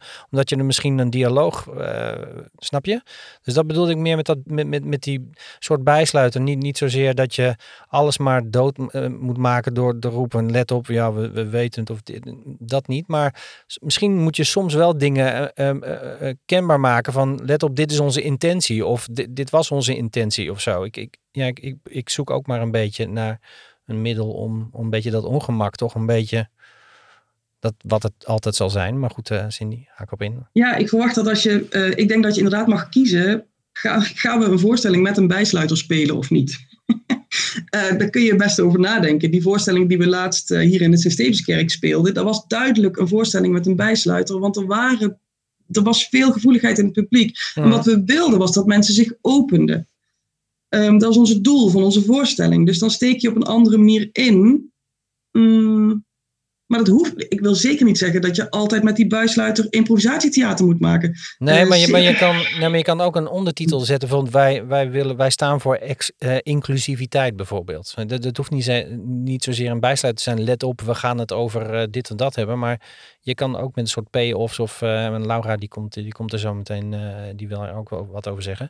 Maar, snap je? Dus ja, misschien bijsluiter is misschien te veel ja, hoe zeg je dat? Uh, een ver verkeerd woord eigenlijk. Het is meer een soort, ja, uh, een duiding of zo, zeg maar. Laura, kom maar in. En uh, we, we, moeten ook zo langzamerhand gaan afronden, denk ik. Want volgens mij kunnen we nog, nog heel lang verder. Maar we moeten even kijken of we nu een mooi mooie conclusie uh, zo uh, langzamerhand uh, kunnen gaan krijgen. Maar dat is niet meteen. Succes, Laura. Nee, dat is niet. Nee, dat, dat ligt. Nee, die taak ligt niet per se bij Laura. Maar het is meer dat we even bewust zijn van. Kijken of we een soort van samenvatting iets hier hierna, na wat, wat Laura te, te zeggen heeft nog. Um, ik, ik denk dat het het feit dat er nu andere dingen zijn, dat, dat er meer woke stemmen uh, ook hardop spreken, dat neemt niet weg dat er al hiervoor, voordat deze stemmen luider werden, uh, dat er al mensen in een zaal zaten bij een impro-comedy het gevoel hadden van, oh, dit is dit, dit, vind ik stom en hier kan ik niks mee. Uh, weet je wel? Oh, de impro-comedy is niks voor mij. Of impro-theater is niks voor mij. Of oh, dat stereotype. Oh, hoe durven ze? Of oh. Weet je wel, er was, het was er allemaal al. Ik heb plenty voorstellingen gezien waarvan ik dacht... Oh, is dit improvisatie? Is dit wat ik, waar ik in zit? Is dit mijn veld? En dat er nu uh, uh, meer over gepraat wordt. En dat er mensen dus uh, misschien wel achter schermen tegen elkaar zeggen: eh, laten we dat niet meer doen. Of goh, ik heb kritiek gekregen. Hè, wat stom, wat vinden we daarvan? wat ik het als resultaat vind hebben, is dat er nu vaker dingen op podium staan waarvan ik denk: oh, interessant. Oh, fijn. Oh, vrouwen worden niet alleen maar neergezet als bimbo. Oh, cool. Dus um, waar je denkt van, uh, god, het is meer werk of het is, uh, er wordt meer kritiek. Nou, wat mij betreft, er wordt gewoon, er wordt meer, het is nu meer open. Er is meer, je hoort nu stemmen die er altijd al waren. Mm -hmm. Maar die we hiervoor uh, de, afdeden met als je dit niet leuk vindt, heb je gewoon geen gevoel voor humor. En, um, en ik denk dus om het te gaan zien als het was eerst prima en nu is er eens iets bij, is dat, is, dat vind ik een, een dat, dat is niet hoe, wat mij betreft hoe de situatie is. Het was er al die tijd al, maar we, we hoorden ze niet en we laten ze niet. En, ja. we, en we deden, ja precies. Te weinig aan, ja we zetten de deur helemaal niet open om naar een voorstelling. Maar heeft het dan ook met, met misschien de, de volwassenheid van. Uh, want, want is dat iets wat in. Want teksttheater is daar natuurlijk anders in. Daar wordt natuurlijk echt een uh, verhalen geschreven. Is dat gewoon ook het, het manco van impro? Omdat je. Nou, wat we al eerder zeggen, je bent geconditioneerd, je doet heel veel dingen hetzelfde. Dingen slijten erin en juist je moet jezelf dus eigenlijk ook dus uh, door, door die educatie dus zelf je dingen vergroten en uit je normale, ja, hoe zeg je dat meer, uh, je automatismes. Dat het bij sommigen het gewoon in automatismes zit ook. Ja, misschien. Maar tegelijkertijd, het teksttoneel was ook niet prachtig uh, eh, 50 jaar geleden hoor. Dus dat, nee. daar, ik maak me geen enkele illusie dat, dat wij als impro nou per se heel erg... Het, kijk, het is wel zo dat wij er uh, minder lang over nadenken dan teksttheater. Dus ja. dat, dat geeft wel soort van iets. Daarom moeten wij ook iets meer oké okay zijn met fouten maken. En ja. dus ook met fouten maken op wellicht -huh. dit gebied. Ja, ik, ik heb bijvoorbeeld ook wel eens dat ik echt letterlijk iets eruit hoor flappen. Dat ik denk, nou, noem jij jezelf feminist, Laura? Jezus, weet je zo. En ja. dat, dat, daar moet ik oké okay mee zijn, anders durf ik dat podium nooit meer op. En uh, ik, ik vind het een verrijking, en dat is inclusief al het ongemak, dat we dat met elkaar kunnen bespreken. En als je aan jezelf merkt, oh, ik ben me veel te druk aan het maken over wat ik allemaal fout doe, dan moet je even het onderwerp even twee weken laten liggen. En weer gewoon even lekker spelen en veel fouten maken en rare typetjes. En in een veilige omgeving even vet stereotypen doen of zo. En dat je daarna er weer over kan praten. Dat die dat dat plezier en dat onderzoek ja. en de verbreding, dat dat de, eigenlijk allemaal de positieve aspecten zijn. En, en niet zo heel erg van vroeger kon alles en vandaag kan het niet meer. Want dat, dat was niet zo, als je het mij vraagt. Nee, maar dat is ook heel erg als je hem eigenlijk op, op de, maatschappij in, zijn geheel ook. Er zijn heel veel dingen die mensen nu roepen. Ja, maar vroeger mocht wel dit en dat. Dus wat dat betreft zijn, raakt het. Ja, we zijn maar onderdeel van de maatschappij natuurlijk. Dus het raakt ook ons uh, gebeuren. Uh, Cindy. Ja, en om nog even terug te komen op dat humor dan verloren gaat, hè, omdat we ineens een heleboel dingen niet meer mogen. Uh, oh, dat zei je niet, Mark. Nee, ik zie dat je, ik zie dat je het niet zei. Nee, ik, ik snap het. Uh, maar ik, dat, is een, dat is wel iets wat ik uh, hoor. mag ik dan geen grappen meer maken? Hè? Mag ik dan... er gaat, dat, ik hoor dan, gaat humor verloren. Um, en ik wil eigenlijk dan zeggen wat Laura toen tegen mij zei. Um, ik denk niet dat er humor verloren gaat. Ik denk dat we een enorme wereld kunnen onderzoeken waar we normaal überhaupt niet eens aan toekomen. Uh, waar heel veel humor te vinden is. Uh, uh, die even loskomt van stereotypen, maar waar we een andere humor vinden. Of waar, waar andere dingen lollig worden. Of waar we uh, andere ingangen vinden. Andere personages creëren waar minstens net zoveel humor te halen is. Nou ja, volgens mij hebben we nu een heel mooi eindwoord. Uh, de, tenzij Marit hier nog uh, op in wil haken of iemand anders. Uh, ik denk dat, nee, dat, de, dat de volledigheid van de humor, dat het andersoortige humor en veel meer dingen bij elkaar dat verrijken. En dat we in andere soorten van humor dus moeten gaan ontdekken. En, en ja, zorgen dat, dat we dus ja, andere dingen neerzetten. Dat is volgens mij wel hetgene wat, wat we kunnen concluderen, denk ik. Ik denk dat het voor niemand weg is om uh, uh, je, een stukje educatie te doen. Weet je, uh, kijk de tegenlichtaflevering, de postracistische planeet die onlangs is verschenen. Ja. ga op onderzoek uit naar dat Movisie-onderzoek waar we aan refereerden. Ga naar een voorstelling van de Ferocious Four, de Rainbow Warriors. En ga daarna ook naar een voorstelling die niet per se met een boodschap er staat, maar... Ga uit je eigen bubbel. Ja. gewoon impro is. Ja. Er, er, is gewoon veel en het is, um, of dat nou inderdaad over diversiteit gaat in impro of diversiteit in de wereld. Er, je stuk, jezelf er stukjes over la, uh, laten leren is natuurlijk nooit weg, want dat verbreedt je visie en het creëert meer begrip. Ja, door misschien. Eerder, dus... Ik denk ook aan het ja. begin van de uitzending werd ook iets gezegd over het met elkaar in gesprek gaan. Ja. Ehm, je ziet de laatste tijd natuurlijk veel voorbeelden daarvan. Hè? En Diederik Gommers en een Femke Louise of een Ali B. En een, um, ik ben even zijn naam kwijt, Haroun Ali van de Volkskrant. Uh, en die komen niet per se allemaal tot hetzelfde standpunt, maar je ziet wel dat er meer begrip gecreëerd wordt. Ja. En begrip le leidt ook tot bewustzijn. En daarmee hoeft niet alle impro met een boodschap te zijn, of alle impro politiek correct. Ja. Um, maar ik denk, daarom wil ik dat zelf nog ook wel in een stukje van de afsluiting zeggen. Mhm. Ik denk dat dat stukje bewustzijn sowieso goed is voor, uh, voor iedereen. Dan worden we betere kunstenaars en betere wereldburgers. Ja, precies. Dus een klein beetje ongemak opzoeken, zodat je minder ongemak hebt op het podium. Ik denk inderdaad dat ik persoonlijk wel een beetje bang ben geworden van ongemak. Nee, nee, maar ik bedoel... Dan bedoel... luister ik graag naar de tip van Laura inderdaad. Ja, nee, maar ik bedoel, ik bedoel eigenlijk, uh, wat, jij, wat jij zegt ook eigenlijk, bedoel ik van, door uit je eigen uh, gebaande wegen van waar je naartoe gaat, door een stukje ongemak op te zoeken in de zin van nieuw, nieuw, iets nieuws te ontdekken. Misschien is ongemak het verkeerde woord. Uh, geef je jezelf juist uh, inderdaad brandstof om op het podium minder ongemak te ervaren omdat je jezelf verrijkt hebt. Dat, dat was eigenlijk meer. Ik wilde het nog weer even terug naar het ongemak, omdat dat natuurlijk het thema van de uitzending was.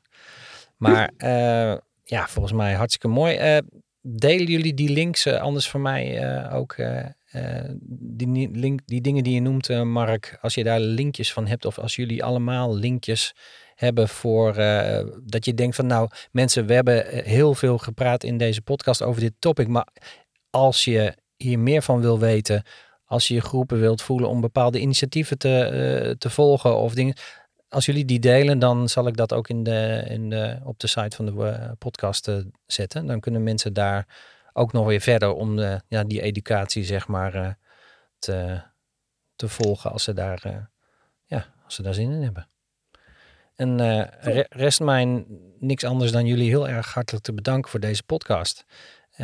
fijn dat jullie hierover jullie gedachten en kennis wilden delen. En ja, tot op tot op het podium als, we, als het weer een keer los mag. Kijk, dankjewel Joran voor jouw uh, tijd. Ja. ja, jullie bedankt. Top. Doei doei. Doei doei.